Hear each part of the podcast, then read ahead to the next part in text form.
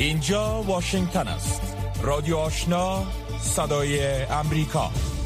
شنوندگان عزیز سلام. شب همه شما بخیر حفیظ آصفی هستم و با همکارم روی آزمانی برنامه گفت شنود ایسات رادیو آشنا صدای امریکا را به توجه می رسانیم جو بایدن رئیس جمهوری ایالات متحده تا ساعت بعد به وقت واشنگتن دی سی اعلام می‌کنه که کشور تمام سربازای خود از افغانستان خارج می‌کنه از طرف هم آنتونی بلینکن وزیر خارجه ایالات متحده امروز چهارشنبه در بروکسل پایتخت بلژیک گفت که قوای ناتو یک جا به افغانستان رفته و یک جازی کشور بیرون میشن قبل بری روز گذشته گروه طالبان اعلام کردند که در کنفرانس ترکیه شرکت نمی کنند. این همه را در این برنامه گفت شنود مشنوین نخست در این رابطه توجه کنین به واکنش دواخان مینپال رئیس مرکز اطلاعات و رسانه های حکومت. جناب آقای مینپال به تشکر. از وقت شما من می‌خواستم واکنش شما را در رابطه و اعلام خروج همه نیروهای امریکایی و ناتو از افغانستان تا سپت قبل از 11 سپتامبر بفهمم با که طالبان گفتن که در مذاکرات صلح ترکیه شرکت نمی‌کنن بفرمایید. با ممنون هستم از قوای ناتو به خصوص که دراتشان ایالات متحده امریکا با حکومت افغانستان و مردم افغانستان در 20 سال گذشته همکاری فراوانی کردن قربانیشان هم قابل قدر هستند و ما امرای ناتو و ایالات متحده امریکا راجع به یک تغییر مشترک مبارزه مشترک داشتیم. حکومت افغانستان بخصوص دیرهای امنیتی و دفاعی افغانستان دفاعی مستقلانه دارد 98 در سب عملیات علیه جرات افغان از طرف قوی امنیتی و دفاعی افغانستان به پیش برده میشه. و ما توان دفاع و مردم افغانستان داریم. بله یعنی فکر می‌کنین که خروج نیروهای امریکایی تاثیر چندان بر حملات دفاعی در افغانستان نخواهد داشت و نیروهای امنیتی قادر هستند جلو حملات بگیرند. درست است؟ کاملا نیروهای امنیتی و دفاعی افغانستان دفاع مستقلانه و پیش می‌بره. 98 فیصد عملیات مستقلانه ما می‌بریم. تنها چیزی که ضرورت نیروهای امنیتی دفاعی افغانستان هستن مشوره تجهیز و تربیه نیروهای امنیتی افغانستان هستند که ناتو در این بخش به شرکت دوامدار با ما دارند و همچنان می‌خواستم ضمن واکنش شما را در رابطه به اعلام گروه طالبان که گفتن در نشست ترکیه شرکت نمی کنند بفهمون مسلما طالب فکر طالب خشونت هستن کشتنی مردم افغانستان هستن ببینیم در ماه مقدس رمضان بجای که از دستکشی برادر مسلمان خود دست بکشن فکر در کشتنی برادرای مسلمان خود می‌کنن یعنی فکر طالب خشونت هستن حکومت افغانستان و مردم افغانستان در هر جای آماده به مذاکرات هستن و ما کاملا به مذاکرات در هر نقطه جهان و در افغانستان آمادگی داریم. ای که طالبان گفتن ما در کنفرانس صلح شرکت نمی کنیم و همچنان گفتن که در صورتی که نیروهای امریکایی تا اول ماه می افغانستان ترک نکنن نقص پیمان صلح دوحه است که با امریکایی ها عقد کردن. توافقنامه دوحه مشروط به این بودن که طالب خشونت خاتمه بدهد. و مردم افغانستان شهید یک کتشبت سرتاسری شود. رابطه طالب با القاعده و همه گروه های تروریستی بین المللی قطع شود. متاسفانه نه خشونت قطع شده. نه رابطه طالب با گروه های تروریستی به شمول القاعده قطع شدن و نه افغان شاهد یک اتشبت سراشتری شدن. این توافقنامه طرف طالب نقص شدن. بله و فکر می‌کنین که با اعلامی که در کنفرانس صلح شرکت نمی‌کنن عملات خود افزایش خواهد دادن در افغانستان با فرا رسیدن بهار؟ ما, ما در مقابل طالب می جنگیم طالب اگر صلح بخواهی ما امرش هم صلح می‌کنیم. طالب اگر به جنگ ادامه بده ما مسئول دفاع مردم خود هستیم و از نظام خود هستیم. به نهایت تشکر آقای مینپال شنوندگان عزیز شما شنونده برنامه گفت و شنود هستین. عمر سمت دیپلمات پیشین و تحلیلگر امور سیاسی در رابطه با خروج نیروهای ایالات متحده و ناتو از افغانستان و همچنان عدم اشتراک طالبان در کنفرانس ترکیه چنین گفت. ببینیم که رئیس جمهور بایدن انی بیانیه و تصمیم خود به چی شکل ارائه می‌کنه از چی کلمات استفاده می‌کنه چی برنامه را پیشکش می‌کنه و در کدام چوکاتی را قرار میده؟ چون هر کلمه و هر حرفش مفهوم خواهد داشت برای پروسه خروج نیروهای امریکا و ناتو از افغانستان و معلومدار پروسه مهم آوردن صلح و آرامش به افغانستان. ما تو حد ما شما خبر داریم که چی میگه ولی من فکر می‌کنم که شکل ارائهش و محتوایش مهم است و مخصوصا در یک زمانی که قرار است کنفرانس در استانبول دایر شود تا چند روز دیگه و قرار است که جوانب افغانی و زوات بین‌المللی در اونجا سهم بگیرن و همچنان با درک از که طالبان یک سلسله شرایط پیشکش کردن وضع مبهم است و کمی پیچیده است. بله. الا ای که در پشت پرده باز تصامیم و توافقات وجود داشته باشه که ما هنوز از او خبر نداریم. تصادفا اعلان تا ساعت بعد رقم که شما گفتن شاید با جزئیات بیشتر که ما از او آگاهی نداریم رئیس جمهور اعلان بکنه.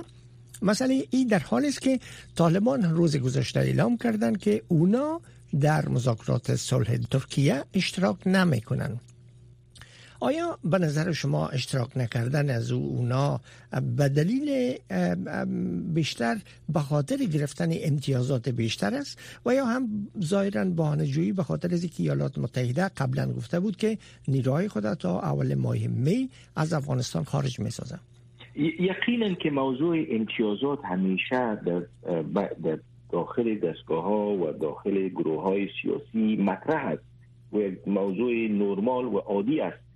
ولی ما باید یک آدم تکنیکی می‌خوایم بگویم که چیزی که طالبا دیروز گفتن که تا اندازه غیر مترقبه بود می‌تونه به یک شکل دیگه هم تحلیل شود. اگر شما از کلماتی که استفاده شده بالاش غور بکنین می‌بینین که نگفتن که در استانبول سهم نمی‌گیرن گفتن که در کانفرانس هایی که در اونجا سر قضایای آینده افغانستان تصمیم گرفته میشه در سهم نمی‌گیرن و معنیش می‌تونه این باشه که طالبان امکان داره در حاشیه استانبول سهم بگیرن و یا ای که از استانبول و از آجندای استانبول یک توقع دیگه دارن. و می‌خوایم که موضوعات سرنوشت ساز ملی مربوط به افغانستان در یک چوکات بین الافغانی تصمیم گرفته شود من نمی‌دانم که هدف اصلی طالبات چی است؟ چون تا اندازه حرفایشون گنگ است ولی تعبیر و تفسیر می‌تونه به اشکال مختلف صورت بگیره. دیده شود که طالبان به چی شکل تحت کدام شرایط در استانبول سهم می‌گیرن یا نمی‌گیرن؟ بله. و امتیازگیریشان تا چی حد خواهد بود؟ و این امتیازگیری شامل کدام موضوعات است؟ و معلومدار موضوع اسراست موضوع لیست ملل متحد است و موضوع یک حکومت همه شمول انتقالی یا به نام های مختلفی که یاد میشه. بله بله. صورت گرفته یا از این به بعد صورت می‌گیره. و اونا اگر فکر می‌کنین که اگر گروه طالبان نمایندگان گروه طالبان در کنفرانس ترکیه اشتراک نکنن آیا این نشست کماکان صورت خواهد گرفت یا که بهوده است در نبود طالبان چنین جلسه؟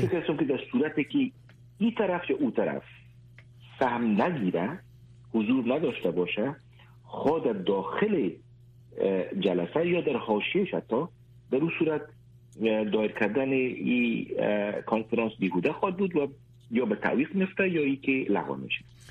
و پس بگردیم اگر سر اعلام خروج امیر که شما گفتن با وجود ازی که ما هنوز نتایج نمی امی شکل بیان خروج نیروها را از جانب آقای بایدن رئیس جمهوری ایالات متحده هنوز هم نمی‌دانیم. جزئیات اگر قرار باشه که نیروها از افغانستان همه خارج شوند با نیروهای ناتوی که فعلا در افغانستان حضور دارند. چی فکر می‌کنین؟ که افغانستان چگونه می‌بینین؟ ما ببینین آقای بایدن یک گزینه دیگام داشت که یعنی اول می تا اول می را تمام نیروها رو بکشه. ولی به این تصمیم رسیدن بار بازنگری کردن که برای یک چهار پنج ماه دیگه مهلت بدن. این معنیش این است که از یک طرف اگر همه در اطراف افغانی قبول داشته باشد بالخصوص طالبان این یک مرحله گذار است و یک مرحله انتقالی است و یک زمینه را مساعد می‌سازه برای که پروسه سیاسی افغانستان برا بیفته و یک اندازه ریشه پیدا بکنه و افغان ها بتانند که دور یک میز بنشینند از آل تا چند ماه آینده اقلا نقشه را را سرش تصمیم بگیرن و یک دوره گذاره سرش تصمیم بگیرن تا در خلال دو سه سال آینده بالاخره به نتیجه نهایی درباره صلح اینا. چیزی بسیار مهمی است که هر تصمیم گرفته میشه از بعد در پالویش باید موازی با یک تصمیم درباره کاهش خشونت و یا یک اندازه آتش بس موقتی و یا آتش بس تحت نظارت امرایی بکنه ایره چون مردم افغانستان ضرورت به دارن و این مجال میته که پروسه سیاسی جان بگیرد بله. بنابراین تشکر جناب آقای سمد. دوست عزیز شما شنونده برنامه گفت شنود از رادیو آشنا صدای امریکا هستین. در این بخش برنامه که در رابطه با خروج تمام نیروهای ایالات متحده و ناتو از افغانستان و عدم اشتراک طالبان در کنفرانس ترکیه بحث می‌کنیم همکارم رویا زمانی گفت شنود داشته با آقای صابر جعفری تحلیلگر امور سیاسی. آقای جعفری تشکر از وقت شما که به برنامه امشب ما حضور دارین. تحولات زیاد رونما شده در این روزهای اخیر. اولتر از همه روی ازی صحبت می‌کنم که مقامات ارشد حکومت امریکا تایید کردن که ایالات متحده قصد داره که به زودی روند خروج نیروهای امریکایی را از افغانستان آغاز کنه و رئیس جمهور جو بایدن هم تصمیم بری شده که تا نیروهای باقی مانده امریکایی را از افغانستان خارج کنه و سرانجام به جنگ 20 سالی ایالات متحده در افغانستان خاتمه داره خاتمه بده. آقای جعفری شما وضعیت در کل چگونه بررسی می‌کنین؟ با این خبر تازه که در دست ما شما است. ما سلام خدمت شما و شنوندگان و بینندگان برنامه. خب این خاتمه دادن به حضور امریکا در افغانستان هدفی بوده که از تقریبا دوران اوباما رئیس جمهور اوباما در امریکا و در محافل سیاسی امریکا دنبال می شده و تعقیب می شده و دلیل اصلیش هم بوده که از نظر افکار عمومی مردم آمریکا جنگ افغانستان یک جنگ بیهوده است که هیچ نفعی برای برای امریکا نداشته. و تبدیل شده به یک جنگ پرمصرف پرتلفات بدون هیچ هدف خاص استراتژیکی که تبدیل شده به طولانی ترین جنگ آمریکا و پرهزینه ترین جنگ آمریکا در تاریخش. به همین خاطر فشارها زیاد بوده و در همه رقابت های انتخاباتی در سطح ریاست جمهوری ریاست کاندیداها روی از این منافق می‌دادن که جنگ افغانستان را از جمله ختم خواهند کرد اون خب. اهداف خاصی هم که در ابتدا داشتن تحت عنوان انتقامگیری از کسایی که به برشایی برشایی تجارت جهانی نیویورک در 11 سپتامبر 2001 حمله کردند. اونها را به پای القاعده نوشته کردن و توجیهشان این هست که دیگه القاعده و قدرت سابق را نداره و کنترل القاعده و مبارزه با القاعده با حضور در افغانستان دیگه الزامی نداره که حتما در افغانستان باشن تا او را مبارزه کنن همراهش بعد از او یک حالا یک رول مدلی می‌خواستند یک تجربه خوبی می‌خواستن از کمک به دولت سازی در افغانستان بر جای بگذارند و از طریق یک نامینی که از محصول دموکراسی آمریکایی یا صادرات دموکراسی و حمایت از حالا معیارهای حقوق بشری و دموکراسی. را ترویج کنند که او هم به دلایل مختلف نشد که یکی از مهمترین دلایلش نه فقط نه منظورم تنها دلیل نیست ولی یکی از مهمترین دلایلش اشتباه امریکا در شناخت واقعیت های تاریخی و اجتماعی افغانستان بود. که همیشه همین اشتباه ها باعث شد که در کنفرانس بون پایه ساختار سیاسی که طراحی شد به صورت ناقص و به صورت معیوب گذاشته شده که نتیجه شده که بعد از 20 سال نظامی که حاصل کنفرانس بون بوده و یک نظام بسیار ضعیف و بسیار غیر قابل قبول برای همه طرف ها هست. خب این از بله. امریکا هست اما در صحنه دیگه کسانی که از این حضور امریکا در 20 سال نفت می بردن در داخل افغانستان در نفع مستقیم می بردن از حضور امریکا در درجه اول کسایی بود که قدرت را به دست گرفتن تحت عنوان دولتگردانان و سیاستمداران رده اول افغانستان.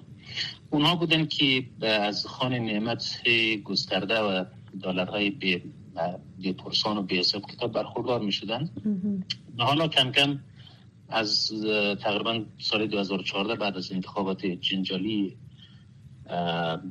که منجر شد به برآمدن حکومت وحدت ملی دیگه همه سیاست مدارا در افغانستان انتظاری روز باید می داشتن که بالاخره دیر یا زود امریکا می‌خواد حضور خود را کم کنه و دیگه از او خرج به حساب کتاب علال قاعده خبری نخواهد از اون زمان تا به الان هم هم حلقات سیاسی حاضر در دولت و در صحنه سیاسی افغانستان و هم نیروهای تحت عنوان مخالفین مخالف دولت یا همون طالبان که عمده ترینش باشه تلاش بری داشتن که در قالب یک مشگربه بازی خیمه شب بازی مذاکرات صلح سهم خود را در فردای اعلان قطعی برنامه های آمریکا برای خروجش از حالا از غنایم باقی مانده حد اکثر کنه خب جعفری. که بله. ما کش و قوز ها و بالا پایین های متنوع در تحت عنوان مذاکرات صلح شاهد هستیم. خب آقای جعفری نبودن نیروهای خارجی در افغانستان بیشتر به نفع کدام کشور منطقه است و کدام کشور منطقه بیشتر از این حالت در افغانستان خرسان خود شود؟ در ابتدا با این فرضی که نیروهای خارجی از افغانستان خارج خواهند شد و یا امریکایی قرار است اعلام کنند که رسما اعلام کنند در اول سپتامبر تا 11 سپتامبر می‌خوایم نیروهای خود خارج کنند. بله. باید یک مقدار محتاطانه برخورد کنیم. چون که تا او زمان سیب سیاست از یک چرخ دیگه ممکنه بخوره. کما اینکه از زمان اوباما قرار بود مرتب ددلاین ها یا تاریخ خروج های جسته گرفته اعلان می‌شد و بعد بعد از او دوباره اعلان می‌کردن که بنا به دلایل مختلف ما بیره به تعویق میندازیم بله. روند بلند مدت یه خواهد بود که بالاخره نیروی خارجی ممکنه حالا خارج شوند و یا حضورشان بسیار حد اقلی شود. این هست درسته. ولی که الزاما حتما تا 11 سپتامبر این اتفاق قطعا بیا خواهد افتاد یا نه باید منتظر بیشتر منتظر او تاریخ شویم. اما به فرضی که اگر خروج نیروهای امریکایی خارج شوند کدام کشورها خوشحال خواهند شد و خرسند خواهند شد؟ من به نظرم هیچ کشوری. اتفاقا کشورهای منطقه‌ای و پیرامونی افغانستان دو دسته هستند یا کسایی هستند کشورهای مثل پاکستان یا مثل هند که تا حدی می‌تونیم بگیم در اردوی در تحولات کلان جهانی در صحنه کلان سیاست جهانی در اردوی امریکا در سمت امریکا قرار دارند اینها هم متضرر خواهند شد و خوش نیستند که امریکا خارج شود چون که امریکا حضورش باعث می شد که یک سهم بسیار عمده و کلانی مالی و نظامی و سیاسی را بابت حضور در افغانستان تقبل کنه که این هزینه ها از دوش از او کشورها اگر می‌خواستن در افغانستان عمل کنن و حضور داشته باشن داشته باشن و تاثیر داشته باشن هزینه های از او کشورها کاسته می‌شد و یا حتی مثلا در مورد پاکستان می‌تونیم بگیم که حضور امریکا چه مستقیم از زمان رژیم کمونیستی در افغانستان تا زمان جنگ و حالا جنگ نیروهای جهادی علیه دولت کمونیستی یا تا حتی بعد از 11 سپتامبر حضور امریکا برای افغانستان برای پاکستان مثل یک حضور یک گاو شیرده بوده که پاکستان رو دوشیده. از این لحاظ پاکستان هم خیلی خوش نیست که امریکا خارج شود. و یا اینکه کشورهای کشور یک تعداد کشورهای دیگه پیرامون افغانستان هستند که در تحولات کلان جهانی صحنه سیاست کلان سیاست جهانی مخالف امریکا هستند مثل ایران مثل روسیه شد خب اینها هم از برآمدن امریکا از افغانستان به نظر من الزاما خرسند و خوشحال نخواهند شد چون که افغانستان یک باطلاق و یک لانه زنبوری برای هر نیروی خارجی هست که حضور پیدا می‌کنه و اینها هم حضور امریکا را خیلی آنچنان تهدید خاص نمی‌دیدن بلکه او را به عنوان یک عامل فرساینده عامل هزینه بر و عاملی که باعث تلفات به نیروی مت... و نیروی رقیبشان یعنی امریکا می‌شد می‌دیدن و از این طریق خیلی به نظر من علال قاعده نباید خوشحال شدن که امریکا خود کاملا فارغ کنه. در چون که حضور امریکا باعث می‌شد به صورت فرساینده و فرسایشی متحمل هزینه شود چه هزینه های انسانی و تلفات نظامی و چه هزینه های مالی گذاف بلند گذاف و غیر قابل توجیه کما اینکه مطابق آمارها در طول 20 سال چیزی بیشتر از یک تریلیون یک تریلیون دلار یا به عبارت دیگه یک هزار بیشتر از یک هزار میلیارد دلار فقط مصرف آمریکا در افغانستان بوده. حالا یه کشورهای بقیه کشورها از اتحادیه اروپا و اونا که جمع کنیم خب حتما زیادتر میشه. خب آقای خب، جعفری اینا همه یک ضربه هایی بود که مستقیم یا غیر مستقیم به اقتصاد به سیاست و نیروی نظامی امریکا و اردوی رقیب کشورهای مثل ایران و روسیه وارد می شد و به ما خاطر اینا هم علال قاعده خوشحال نیستن چون وجود امریکا تهدید خیلی خاصی برای کشورها ایجاد نمی‌تونست. خارج شدنش رو هزینه را از امریکا پس ممکنه پس کنه حداقل در کوتاه مدت. بله. خب آقای جعفری در حالی که رئیس جمهور بایدن تصمیم گرفته که نیروهای باقی مانده امریکایی را از افغانستان خارج کنه ترکیه هم اعلام کرده که کنفرانس در روزی سال افغانستان در استانبول که قرار بود به تاریخ 16 اپریل آغاز شود حال گزارش ها میرسانه که به تاریخ 24 اپریل برگزار خواهد شد. تاخیر در چی می‌بینین شما؟ دلایل دیگه چی شده می‌تونه که چرا این کانفرانس به تاخیر افتاده؟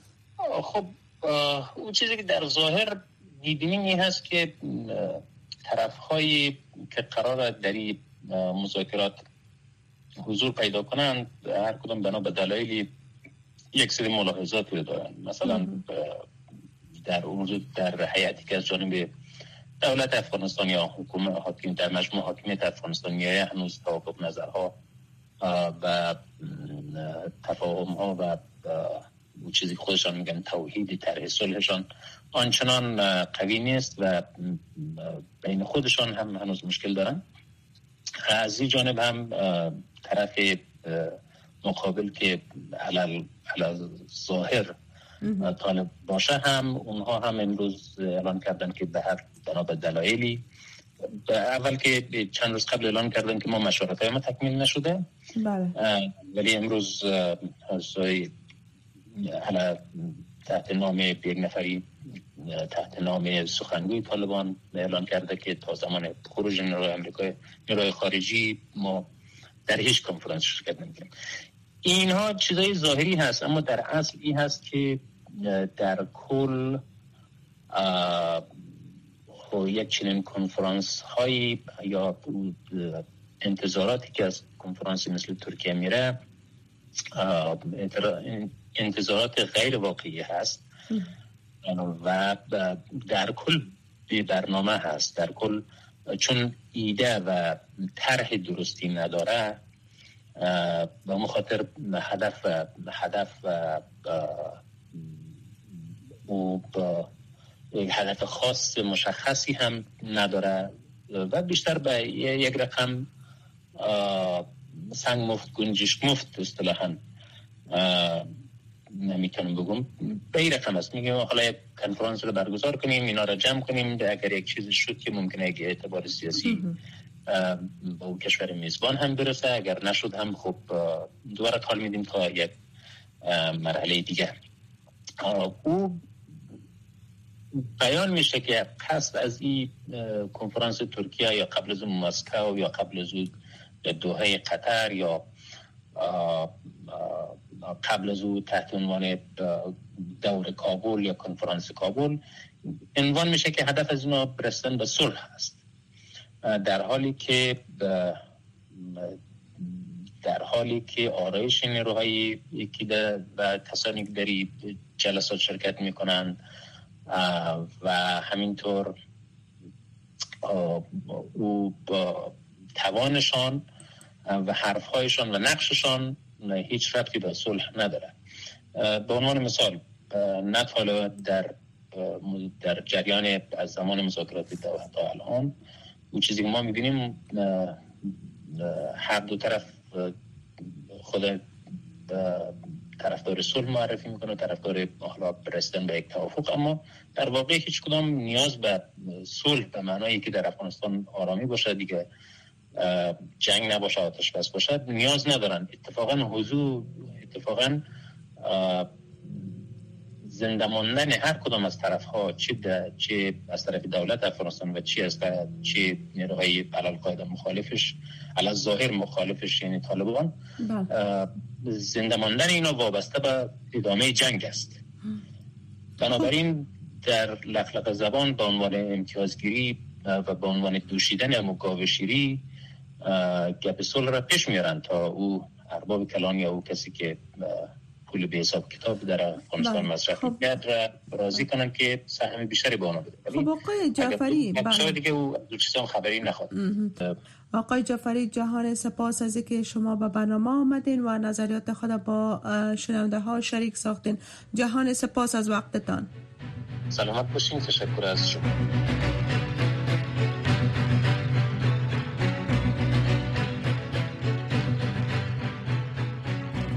دوست عزیز ای بود داشته های ای برنامه گفته شنود که در همینجا و پایان رسید. تا برنامه بعدی که امیدوارستم باز هم با شما باشم شب و روز خوشی بر همه شما آرزو می‌کنم.